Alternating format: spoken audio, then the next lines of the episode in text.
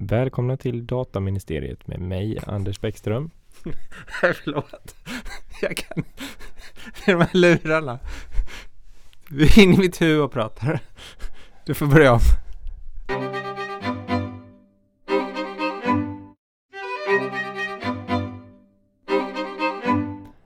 Välkomna till Dataministeriet med mig, Anders Bäckström. Och mig, Filip Jonsén. Och ja, jag måste bara först säga lite så här att jag, jag tycker att vi har haft så himla bra avsnitt de senaste veckorna. Ja, i och för sig alltid, men väldigt kul att så många har tackat ja när vi har frågat om de vill vara med. Ja, verkligen. Eh, men, Om du får säga det själv. Ja, om jag får säga det själv. Men idag har vi inte med oss någon gäst. Idag är det bara du och jag. Eh, Så vitt vi vet, ja. ja, precis. Vi hörde ju lite fotsteg här för en stund sedan, men nu verkar de ha lugnat sig. Ja, Eh, men idag så har vi ett särskilt tema. Det är ju lite Halloween och eh, framförallt alla helgon stundar. Eh, för de som faktiskt kommer ihåg att det finns en svensk högtid också. Och med anledning av det så har vi ett särskilt tema idag och det är döden. döden. Men innan vi drar igång döden så tänkte jag att eh, jag skulle göra ett förtydligande som kanske alla jurister förstod vid först, förra avsnittet av Martin Brinnen. Han använde ett uttryck som var ganska komplicerat, nämligen obiter dictum. Och, eh, och det har kommit in några frågor eh, vad obit, obiter dictum egentligen är och det är ju då när framförallt högsta domstolen uttalar sig om andra rättsfrågor än de som föreligger i det enskilda ärendet eller i det enskilda domen. Mm. Så är det med den saken och det är ett väldigt intressant fenomen och om, om man vill läsa mer kan man googla på obiter dictum och antingen namnet Torkel Gregov som vi alla känner till eller en annan kändis Kristina Ramberg som båda två har skrivit varsin artiklar eller artikel om just vad obiter dictum är och eh, hur man ska tolka det. Mm. Eh, man kan väl Superintressant. Ja, hur är det med det där då? Eh, Gäller det bara i Sverige eller är det vilken domstol som helst? Alltså obiter dictum är ju, alla förstår ju att det kommer från en romersk rätt så att det är inte bara högsta domstolen utan det finns även i utlandet. Mm. För jag tänker att just det förfarandet att faktiskt svara på frågor som ingen har ställt, det känns som en väldigt eh, typisk EU-domstolen-grej att göra. Ja, jag tror att alla instanser av högre rang världen över använder sig av det här eh, verktyget. Mm. Ja, men det är väl inte dumt att göra det kanske, när man faktiskt eh, ser att här har de en fråga som de inte har ställt. Den svarar vi på istället. Ja, Eller kanske om man har tur också. den brukar väl i alla fall vara något angränsande. Mm. Ja, det kan man väl hoppas att det inte blir helt eh, taget ur luften. Hur som haver, eh, Martin Brinnen använder det uttrycket och nu kan ni också göra det där hemma. Mm. Vi kan väl lägga upp en eh, stavning av det också när vi, ja, på vår eh, LinkedIn-sida. Och jag, jag tänkte bara ytterligare en liten grej innan vi drar igång med döden. Så eh, vi heter ju Dataministeriet och alla kan räkna ut vad det kommer sig av. Men så såg jag ett citat eller ett stycke ur boken 1984 som jag tyckte var så himla passande för rätten att bli bortglömd. Mm. Um, och inte minst i ljuset av det som Torbjörn Tännsjö sa. Att man kanske inte borde ha en sån rätt och lite grann, man ska inte styra över vilken information som sprids om. Men, och, och där står det så här, den som kontrollerar det förflutna kontrollerar framtiden. Den som kontrollerar nutiden kontrollerar det förflutna. Mm. Och det, tyckte jag passade så väldigt bra in just på rätten att bli bortglömd. Och det an- kommer angränsa till temat döden lite senare. Mm.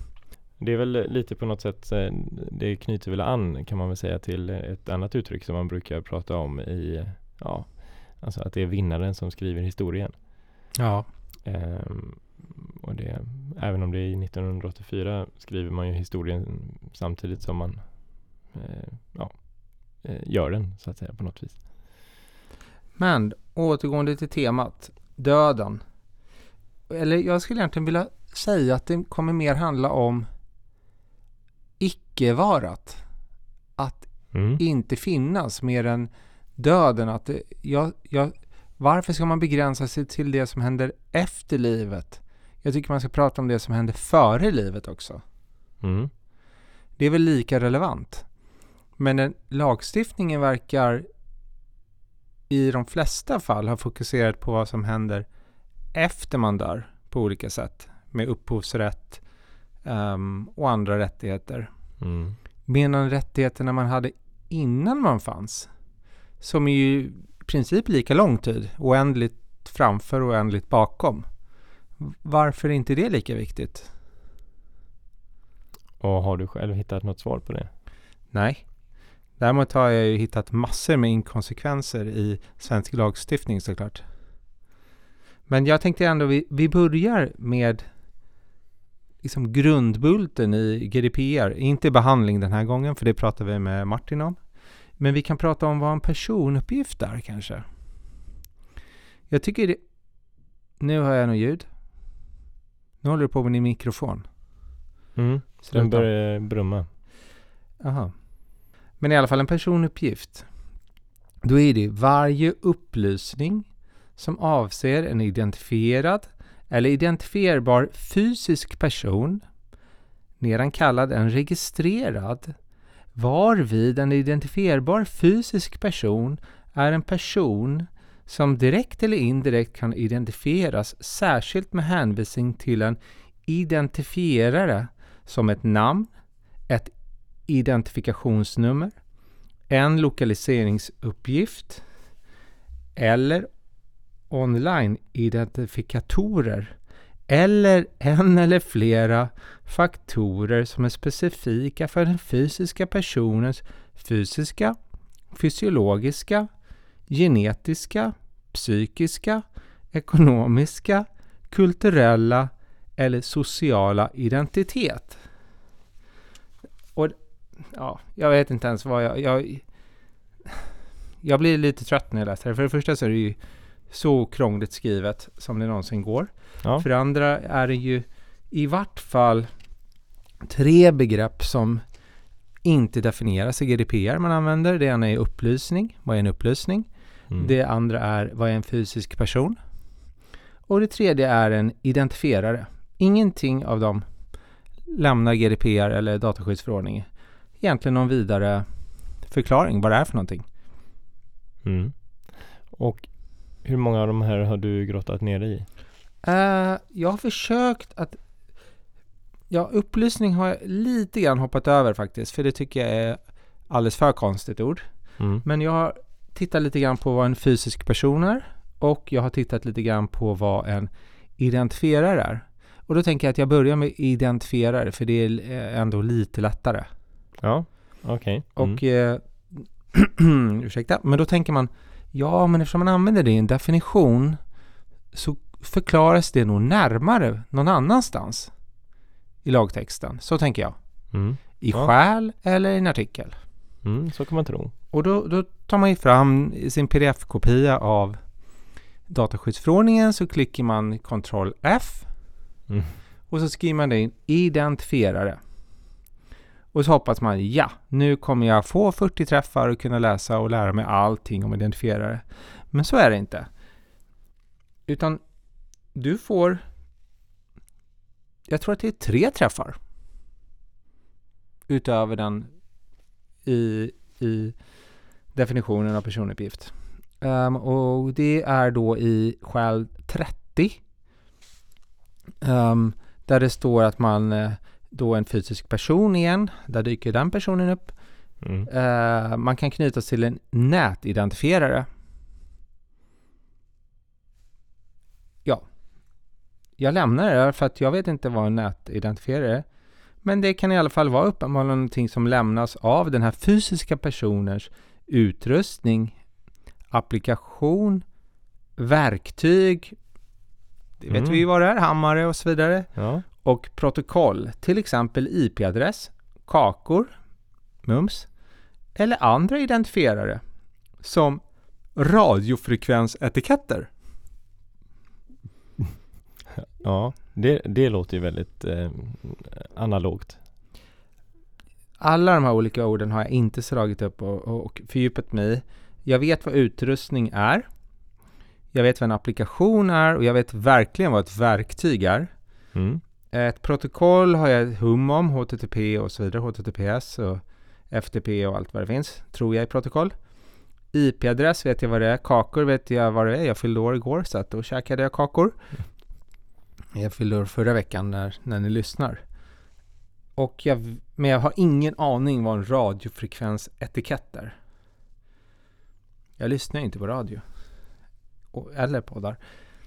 Nu bara babblar jag på här. Mm.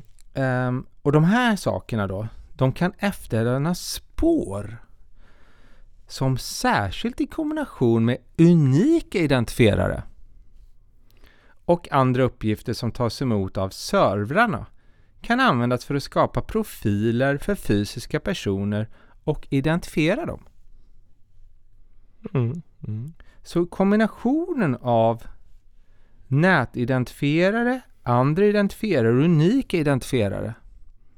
Jag- undrar om de som skrev det här har en aning om vad de pratar om. Eh, jag tror inte det va?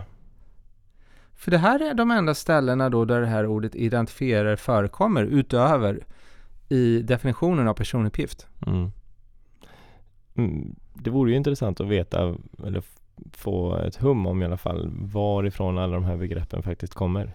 Vem det är som, eh, så att säga, jo men jag har, alltså, ska ni inte skriva in någonting om det här också? Eh, Ja, ja du, det, eh, jag har inget svar på det för jag saknar fortfarande mina proppar och SUR. Mm. Alla förarbeten, hallå? Jag tror jag ska skriva, nej inte jag. Ja, någon, någon får jättegärna skriva till Datainspektionen och fråga vad alla de här identifierarna är för någonting. Ja. Ehm, och framförallt då vad en unik identifierare är. Mm. Ja, det vore kul att veta. Då tänkte jag att vi går in på fysisk person, för det är där Mm. döden kommer in såklart, eller icke-varat på ett helt annat sätt än identifiera. Att man kan identifiera i ordets mer generella bemärkelse som vi själva kan använda om att man identifierar sig med sitt körkort och så vidare. Då, eller om man ser på CSI kan man, ja vi identifierat det här äh, liket vi hittade nedgrävt i gödselstacken Mm. och så vidare. Fysisk person. Jag tror att alla kommer ihåg att i personuppgiftslagen så fanns det en lite bättre definition faktiskt. För där skrev man fysisk person som är i livet. Mm. Då kom ju i och för sig hela det här med livet och vad det är för någonting in. Mm. Men nu har man bara skrivit fysisk person. Och då kan man ju fundera lite grann så här på vad, vad är en fysisk person då? Ska man ta det motsatsvis att det inte är då en eh, icke-fysisk person?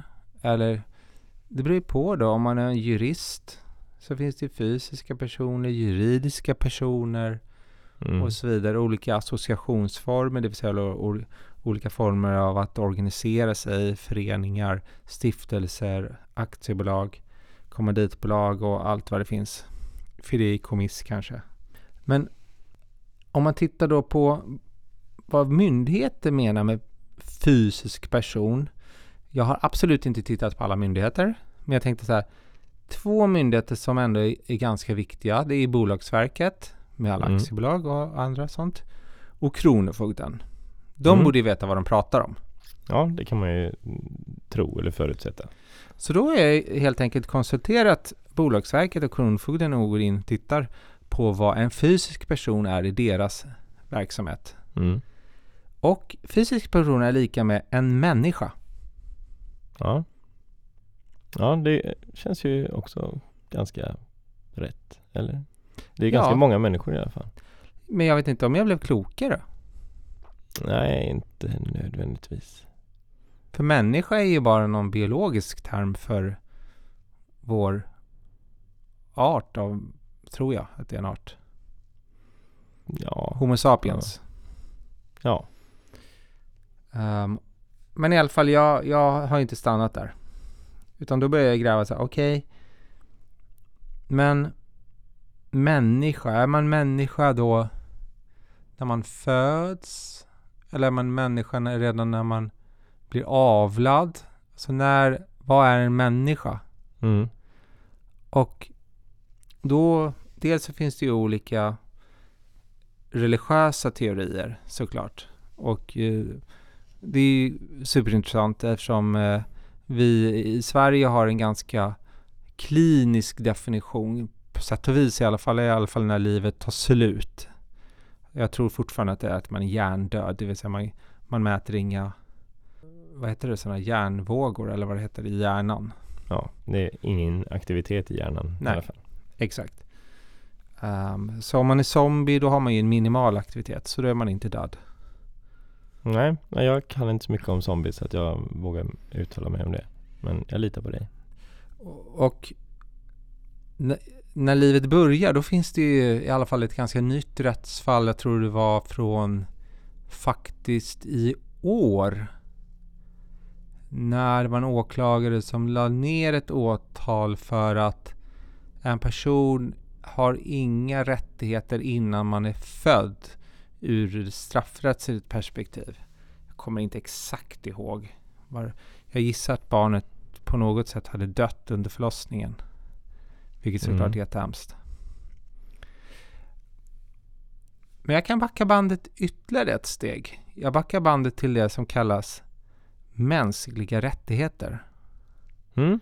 För Ja, där det- kommer ju människan in. Det, det gör det Och de har ju varit med ett tag. Och då fa- finns det ju dels de allmänna deklarationerna om mänskliga rättigheter och så finns det ju olika sektionella, till exempel om mot tortyr och det finns mot barn, alltså, eller för barns rättigheter. Mm. Och 1959, ehm, den 20 november tror jag, om jag kommer ihåg rätt, så antog generalförsamlingen FNs deklaration om barnets rättigheter, alltså inte konventionen, barnkonventionen, utan man antog en deklaration om barns rättigheter. Och jag, för, jag vill bara innan jag säger det här, jag har absolut ingenting emot svensk abortlagstiftning, för nu kommer liksom vissa kretsar antingen hata mig eller hoppa och skutta för att jag säger det här. Men i den här deklarationen ehm, så säger man, jag ska, nu måste jag läsa till. Mm. Barnet på grund av sin fysiska och psykiska omognad behöver särskilt skydd och särskild omvårdnad innefattande lämpligt rättsligt skydd såväl före som efter födseln. Mm. Det tycker jag är ett väldigt intressant uttalande. Ja. Så att på något sätt så har Dels så använder man barn om någon som inte är född än. Mm. Bara det är intressant. Mm. Och sen så säger man att den har vissa rättigheter, nämligen till skydd. Såväl före som efter födseln. Mm. Och därför tänker jag att här har man ju då valt att säga att ett ofött barn har vissa rättigheter. Och då kan man ju fundera på om man har det eller inte har det. Och sen kan man ju gå vidare till om man, om man har rättigheter efter man är död istället. Mm. Alltså, jag, nu är jag ju helt oreligiös, så att jag tänker så här, innan man är född, alltså innan man ens är avlad, då, då är man samma sak som när man är död. Mm. Alltså icke-vara, man finns inte. Det, det är ingen skillnad på att ha funnits och inte finnas och att aldrig ha funnits och inte finnas. Eh, nej, kanske inte på ett sätt. Möjligen historik. Men det Ja, men ja, för, den, för, för den enskilde i så fall. eh, Eller för den som inte finns. Så man finns lika lite. Mm.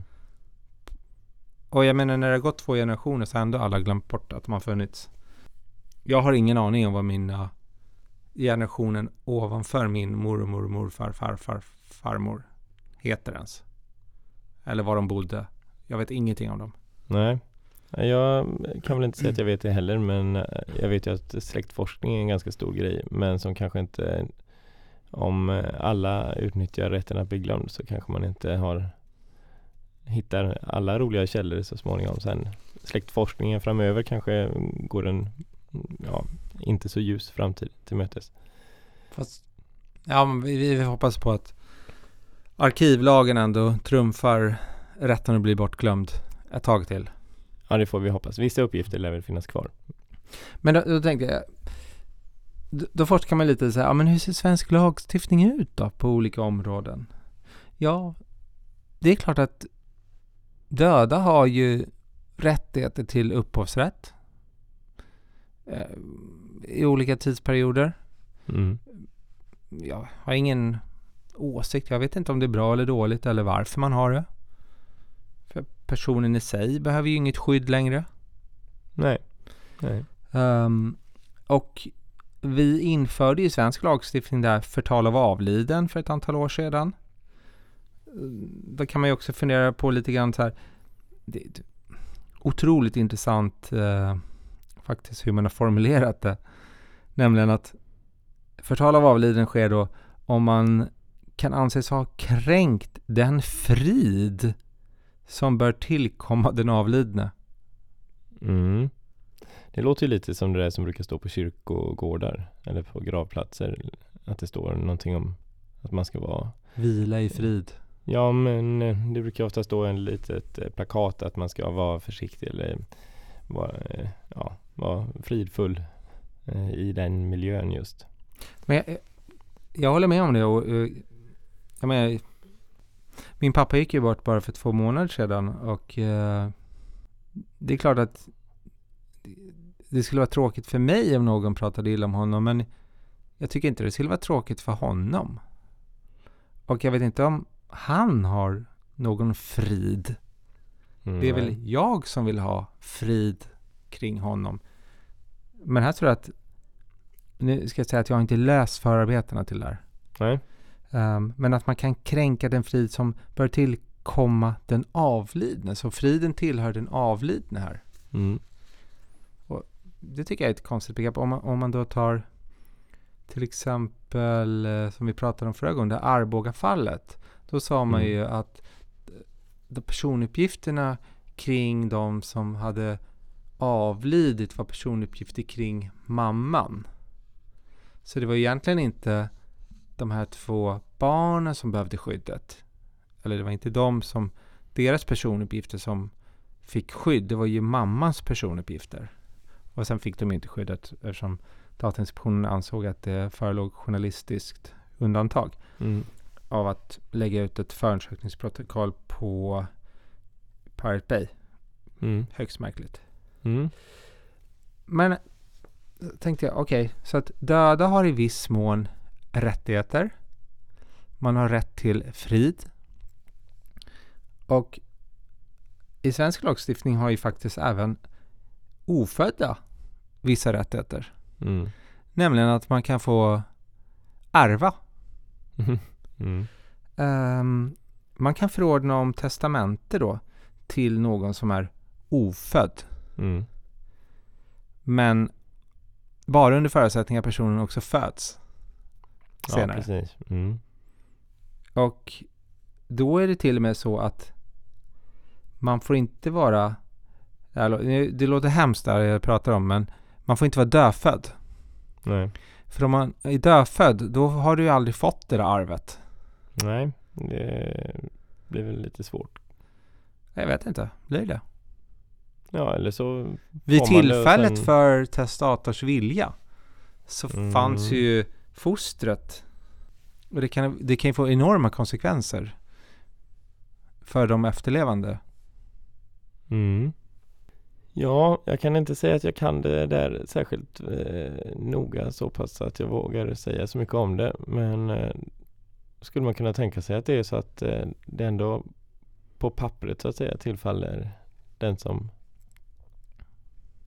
ja, aldrig föddes. För att sen hamna i vårdnadshavares händer i så fall. Det skulle kunna vara så, men så är det inte. Nej, nej. Det kan ju vara ett fall då den som bär på barnet inte har någonting med den testators eh, liv att göra egentligen. Alltså de Mm. behöver inte vara släkt eller någonting. Nej, nej, så kan det ju vara. Eh, ja. Men i alla fall, där, man kan se att jag tror inte att lagstiftaren någon gång liksom har tagit ett steg tillbaka och tittat på alla olika lagstiftningar som handlar om icke-varat. Nej.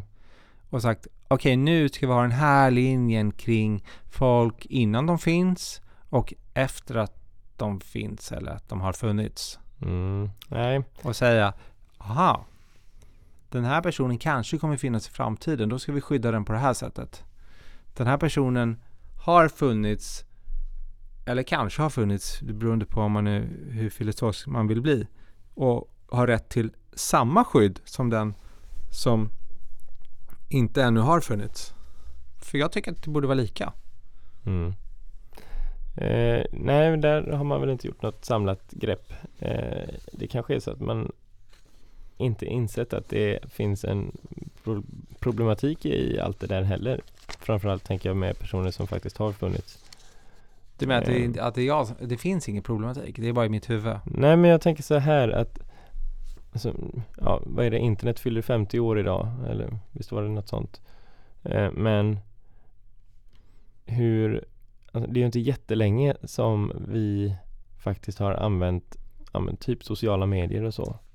Eh, och lämnat spår av oss precis överallt. Du menar online-identifierare?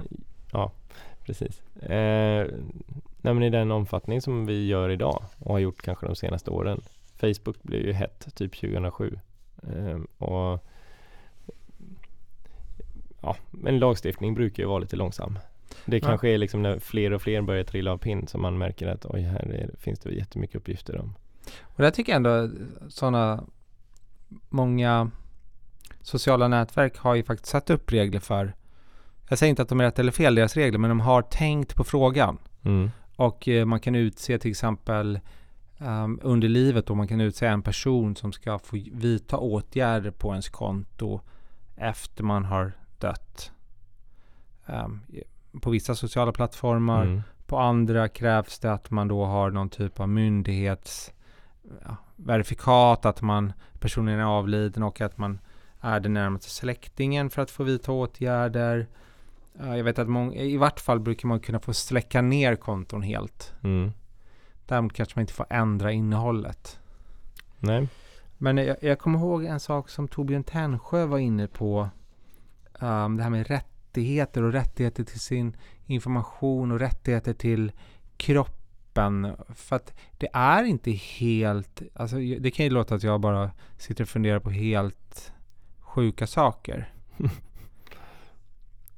Men det är inte så för att det här går ju igen till exempel med att donera sina organ. Mm. Likväl som man kan då, skulle kunna donera sina personuppgifter till forskning. Mm. Varför skulle inte det vara lika relevant idag att kunna donera hela, alla personuppgifter man har samlat på sig under ett liv för framtida forskning? Det, Mm. Till exempel om du har en, någon sån här äh, app för att mäta din hälsa. Och det, jag, jag är helt övertygad om att du skulle kunna få fram fantastiska resultat om hur man borde leva om man, om man då analyserade det där och, och anledningen till att personen dog. Mm. Och det borde man ju också kunna donera precis som man kan donera sina organ efter sin död. Man kan ju styra över det. Man kan styra över sin kropp efter man är död. Så här, Nej, ni får inte ta organ. Mm. Men du kan inte styra över dina personuppgifter. Nej. För de är inte personuppgifter längre i Sverige. Nej. Det är också, det är inkonsekvent. Mm. Ja men det står det inte till och med i förordningen att det är upp till varje land att själva bestämma om man ska eh, se till att dödas uppgifter omfattas av lagstiftningen eller inte. Jo, det har jag ju tittat lite grann på. Hur det ser ut då i andra Mm. länder. Och eh, mycket riktigt så i vissa länder har ju personer, eller deras personuppgifter, det är ju ingen person längre. Det är ingen fysisk person i livet. Som vi sa förr i tiden. Mm. Men i alla fall avlidna har skydd i vissa länder, så som till exempel i eh, Danmark tror jag att det är så. Mm. Eh, att man har skydd i ett antal år. Då, Mm. ungefär Tio, tio år. Ja. De flesta länderna har ju inte ens nämnt där. Nej. Som man då numera inte, så vitt jag förstått, inte ens nämnt i svensk lagstiftning. Ehm, förutom i några exempel jag tagit, men just när det gäller personuppgifterna. Mm. Men eh, så det ser lite olika ut. Och då går vi återigen till här, den här mitt, mitt, ganska käraste ämne är ju ändå hur svårt det är att få en gemensam lagstiftning på det här området. Mm. Ehm, men eh, jag vill ändå backa bandet till det här med don, donera saker för att eh, man kan i många länder kan det och även i Sverige tror jag kan du ju också ge din kropp för till exempel eh, inte bara forskning utan till exempel att man kan donera sin kropp till eh, läkarlinjen. Mm. Ehm, och det, det också tycker jag så här, men varför kan man bestämma över sin kropp så otroligt i detalj men inte över sitt, ja vad sa vi, digitala fotavtryck? Mm. Eh, Det är någonting märkligt. Ja, det är det. Tror du att det kan ha att göra med att eh, alltså, kroppen är ju ganska begränsad, alltså den fysiska kroppen och att den eh, Alltså att det bara är en fråga om praktiskt eh, eller praktik eller vad ska- man säga, att det är praktiskt möjligt eller lättare i alla fall att ehm, göra vad man nu ville att någon skulle göra med kroppen, den fysiska kroppen. Men om, om man tänker att det skulle finnas en, en själ på ett eller annat sätt. Och så, så, de flesta tror jag tänker så här, "Ah, nej själen är nog inte kroppen, själen är någonting annat. Mm. Själen är samlingen av minnen, tankar, Mm. trosföreställningar och så vidare. Och, och, och när man dör då, var finns det där kvar? Finns de kvar i kroppen? Eller finns det nog snarare kvar på ditt Facebook-konto? Mm. Snarare det senare då skulle jag säga. Och bortsett från alla terms and conditions då på Facebook-konto så tänker jag det är väl viktigare att få bestämma över all den här informationen som faktiskt är jag Mm. än en påse kött och ben. Mm. Nej, men det eh, kan jag hålla med om. Eh, jag- tyckte mig läsa någonting om just det där eh, om Facebook-konton framförallt då. Där det var någon forskare inom psykologin som hade ansett att det var eh, att det faktiskt kunde ha en ganska stor eh, att det kunde bidra väldigt mycket för anhöriga eller vänner och så i deras sorgearbete efter någon som har avlidit. Att faktiskt ha det här Facebook-kontot, att gå in och titta på gamla bilder eller statusar eller vad det än kunde vara. Att det kändes inte så, vad ska man säga, abrupt slut utan ja, ja men en typ av sorgearbete. Nej, men just på Facebook, även om jag aldrig haft det själv, så har jag läst på nu. Där kan man göra just de här minnessidorna Mm. som jag verkligen tror är ett bra initiativ. Mm. Um, och, och de har väl också det att man kan utse en person som kan göra väl, få saker, men några saker, uppdateringar. Mm. Ja, jag tror att det var statusuppdateringar och ändra någon bild och så, men inte historiken. Ehm, om jag minns det rätt. Nej, för att om man kontrollerar det där förflutna, då kontrollerar man ju även eh, framtiden. Mm, precis. Ja, nej men det, det, det har jag ju faktiskt sett lite mer praktiska exempel på. Att folk har, ja, personer som faktiskt har avlidit och varit engagerade på sociala medier. Att någon då som uppenbarligen inte är de själva faktiskt eh, gör ett sista eh, ett sista inlägg eller man ska säga då. Och nu vet jag att det där vita arkivet och så vidare, där tror jag att man, eller jag vet, jag, jag vet att jag tror att man kan fylla i sån, den typen av saker. Mm. Men det är inte bara att jag har bara funderat på oj det här ser konstigt ut och det här verkar konstigt. Jag har även ett förslag på hur man ska lösa det här. Mm. Ett digitalt testamente, det ska vara så att du äger, du äger den frågan också. Mm. Du ska kunna bestämma vad som händer med dina personuppgifter efter du dör. Jag tycker inte, det här är min högst personliga åsikt. Jag tycker inte att dataskyddsförordningen ska stanna där man dör som det är idag. Jag tycker det är konstigt. Mm. Ja, du tänker istället att den, att den fortsätter, det tar aldrig slut. Och att det möjligen då finns redan innan. Ja, dels så tycker jag att jag brukar köra det på mina föreläsningar, har jag en bild på ultraljuds från ultraljudsundersökningen på no, något av alla mina två barn. Mm. Ja. Um, och eh, jag, jag tycker även det är konstigt. Varför skyddas inte den bilden? Mm. Jag Ja, tycker det, det- är jättemärkligt. Den, det är ju ganska konstigt. Eller det, det kan ju, ja, jo det håller jag verkligen med om. För det, det, det är ju ganska uppenbarligen så, eller uppenbart så att det inte är någon annan på den bilden. Ja, alltså det är väldigt svårt att känna igen henne. Ja, jo, hon kanske inte ser helt lik. Men är jag tänker man- att det är framförallt för att det står alltså, det står ju sådana saker som, det kanske inte är bilden i sig, men det står en massa andra saker på en sån. Ja, det är det ju. Massa Datum och, eh, personnummer på den vars mage det är. och säkert var bilden är tagen, vilken, eh, vilken exakt eh, kamerautrustning eller ultraljudsutrustning som man, man kan ändå veta. Ja, inte vem det är, för det finns ju ingen vem enligt dataskyddsförordningen. Mm. Det finns ingen fysisk personen.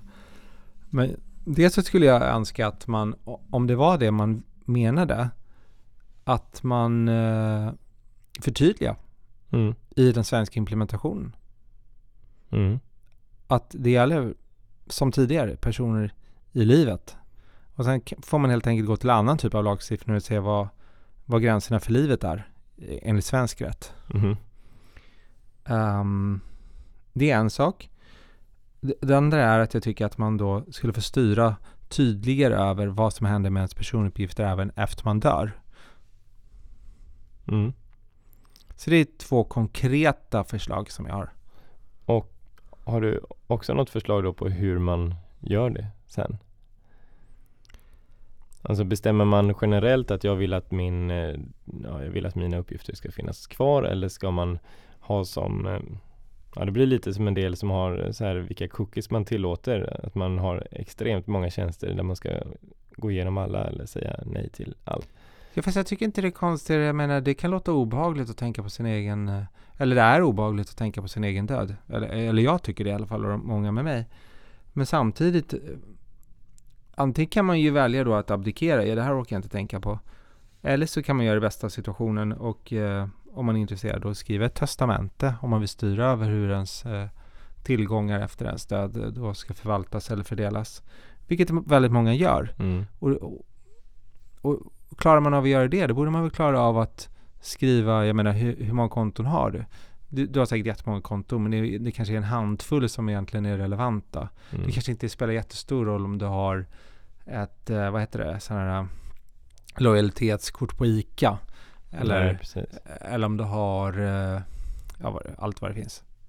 Jag menar många av de här upphöjer dessutom per automatik. Det har jag ju fått uppleva nu. Hur det Mm. fungerar verkligen på in, Mm. fr- från insidan så att säga. Eh, och väldigt många får ju upplysningar för folkbokföringen Mm. per automatik.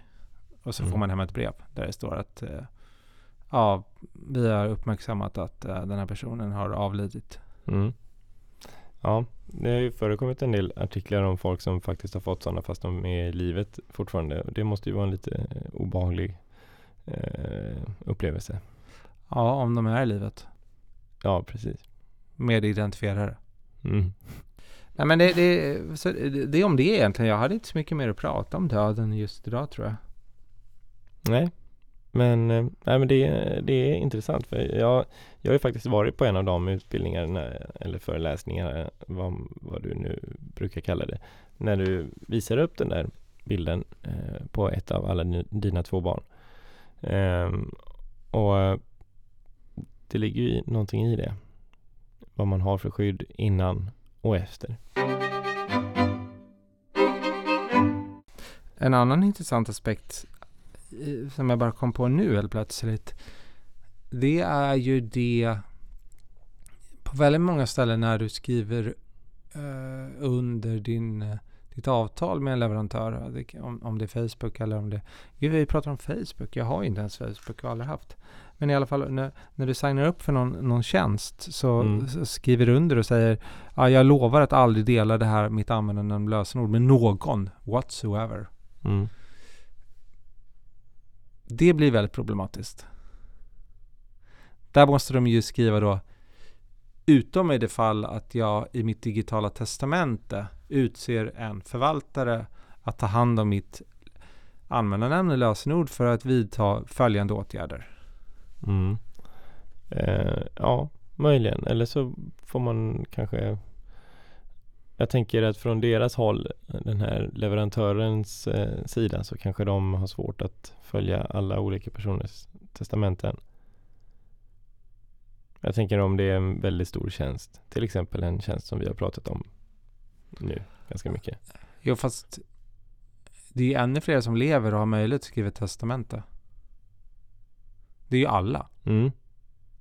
Nej, ja, inte riktigt alla, men alla som uppnått en viss ålder har, jag kan inte allt det där med rättskapacitet, jag kommer inte ihåg. Nej, men det spelar inte så stor roll. Man, man, måste vara ett rättssubjekt i alla fall tror jag. Ja, säkert. Och ha rättigheter. Och sen måste man väl ha någonting att testamentera. Ja, det kan väl vara någonting. Nej, man kan alltid testamentera sin kropp. Man, det borde ju vara samma för personuppgifter då. Ja, ja det är ju det jag säger. Alltså just att, eh, ja, men jag tänker att även om man, är, om man inte är myndig så att säga. För jag gissar att det finns någon sån grej. Kan man testamentera, saker bort, testamentera bort saker innan man är myndig? Ja, nu satte du mig lite här och på andra poddkanten. Jag, jag vet inte. Jag Nej, kan inte. Jag vet inte heller, men säg att man, kan, att man inte kan det. Jag skulle, det skulle inte förvåna mig att, att ett barn inte kan testamentera bort alla sina leksaker. Alltså på, mm, genom ett testamente. De kanske kan säga att det ska vara si och så. Nej, det, det händer inte. Barn ger inte bort sina leksaker. Eh, ja, ja, kanske inte. Inte Jag- så ofta i alla fall. Nej men oftast när de inte ser det. Jag tror att det är föräldrarna som ger bort dem.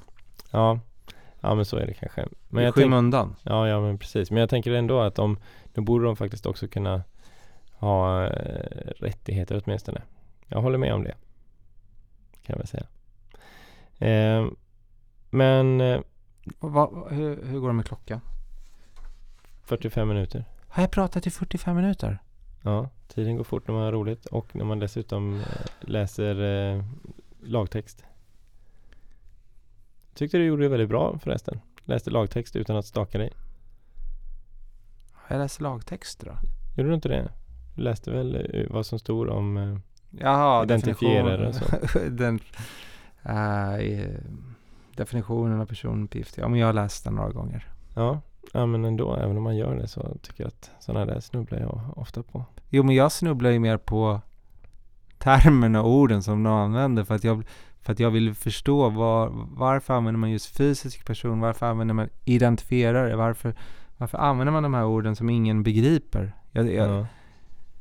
Det är som att det är ett självändamål att skriva krångligt.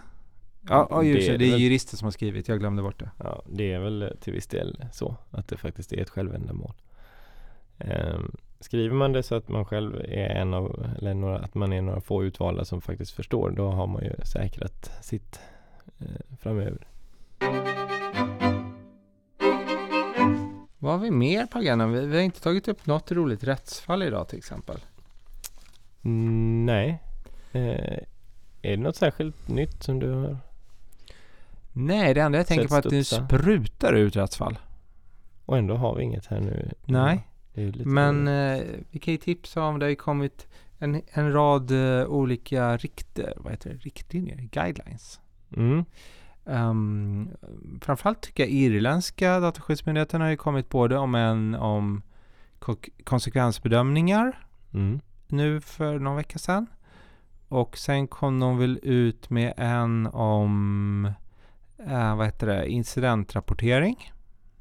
Mm. Ja, det såg jag lite statistik som flimrade förbi i alla fall. Och sen eh, lämnade ju också då EDPB, jag tycker det är så svårt att uttala det där. Mm. Där stakar jag mig. Mm. Sin nya guideline om eh, att ingå... Jag, jag Mm. säger helt enkelt på engelska. Mm. Gör det. Eh, guidelines 2 2019 on the processing of personal data under article 6 at B GDPR in the context of the provision of online services to data subjects. Version 2.0 8 oktober 2019. Ja, det låter ju hett. Vad har vi då? 6.1b? Det är avtalsuppfyllelse. Precis. Superintressant. Som vanligt superintressant. Men eh, det kanske vi får eh, anledning att återkomma till helt enkelt. Och sen var det väl, vänta vilka var det som uttalade sig? För vi var inne på NIST för ett antal avsnitt sedan och Mm. deras privacy framework. Mm. Där var det någon som hade uttalat sig om det också. FTC Exakt. eh, hade några kommentarer på det där. Jag har inte riktigt hunnit läsa dem. Jag har dem på min läslista här. Alltså det är så Eh. mycket superintressant. Det, det, Ja. det, eh, alltså jag bara... Man måste man inte typ dö imorgon, nu kanske jag gör det bara för att jag säger det, men då, då säger jag så här mina personuppgifter. Ni får använda dem precis till vad ni vill. ja, Bara det främjar mänskligheten. bara det främjar privacy. Eller? Ja, framförallt mänskligheten. Ja. Ehm, jag, jag är inte sån som skyddar mina personuppgifter. På, alltså jag är inte så rädd av mig.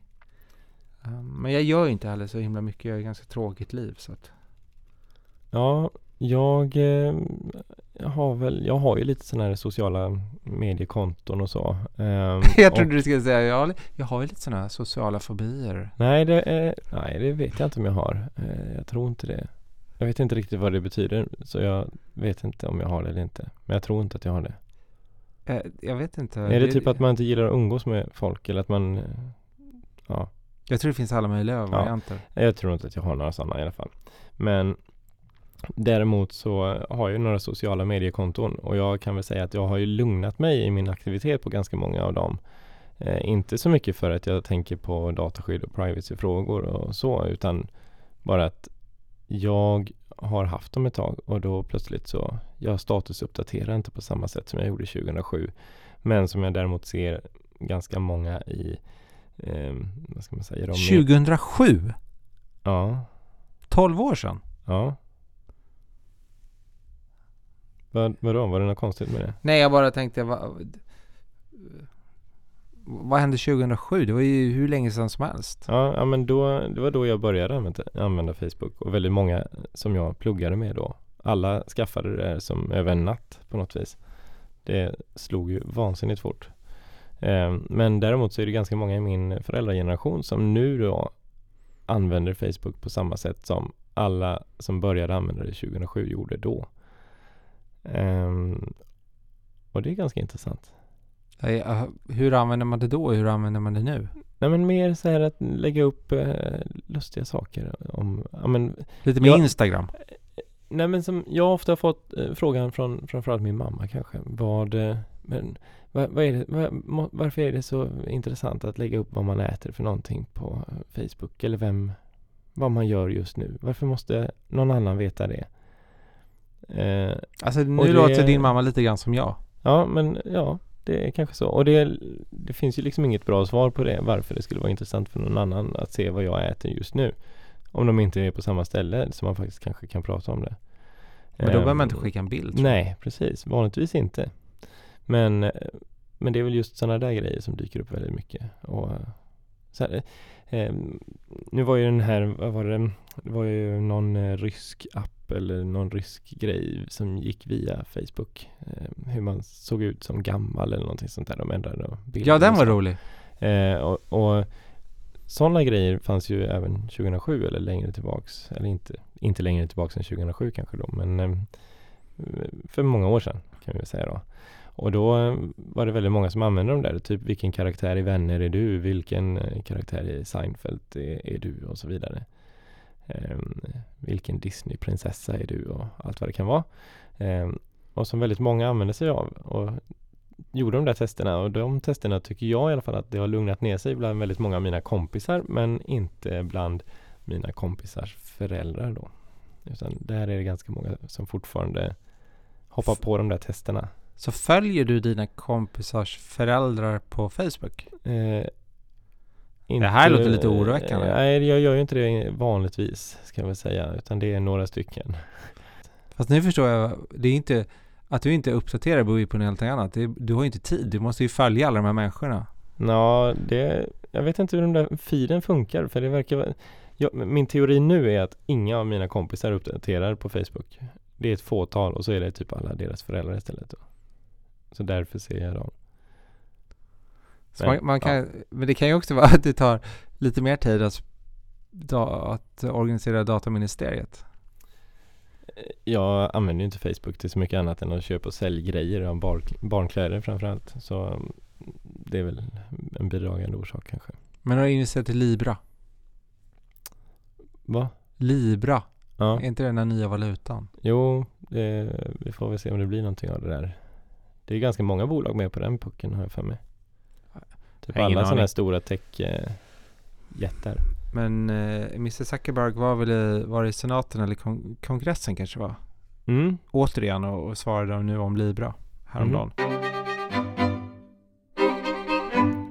Istället för att bara säga tack och hej som vi alltid gör, men så varsågod Anders, gör det. tack alla ni som lyssnar för att ni lyssnar på oss och eh, ha det gott. Så ska jag avsluta med kvällens citat som även inledde dagens program. Den som kontrollerar det förflutna kontrollerar framtiden. Den som kontrollerar nutiden kontrollerar det förflutna.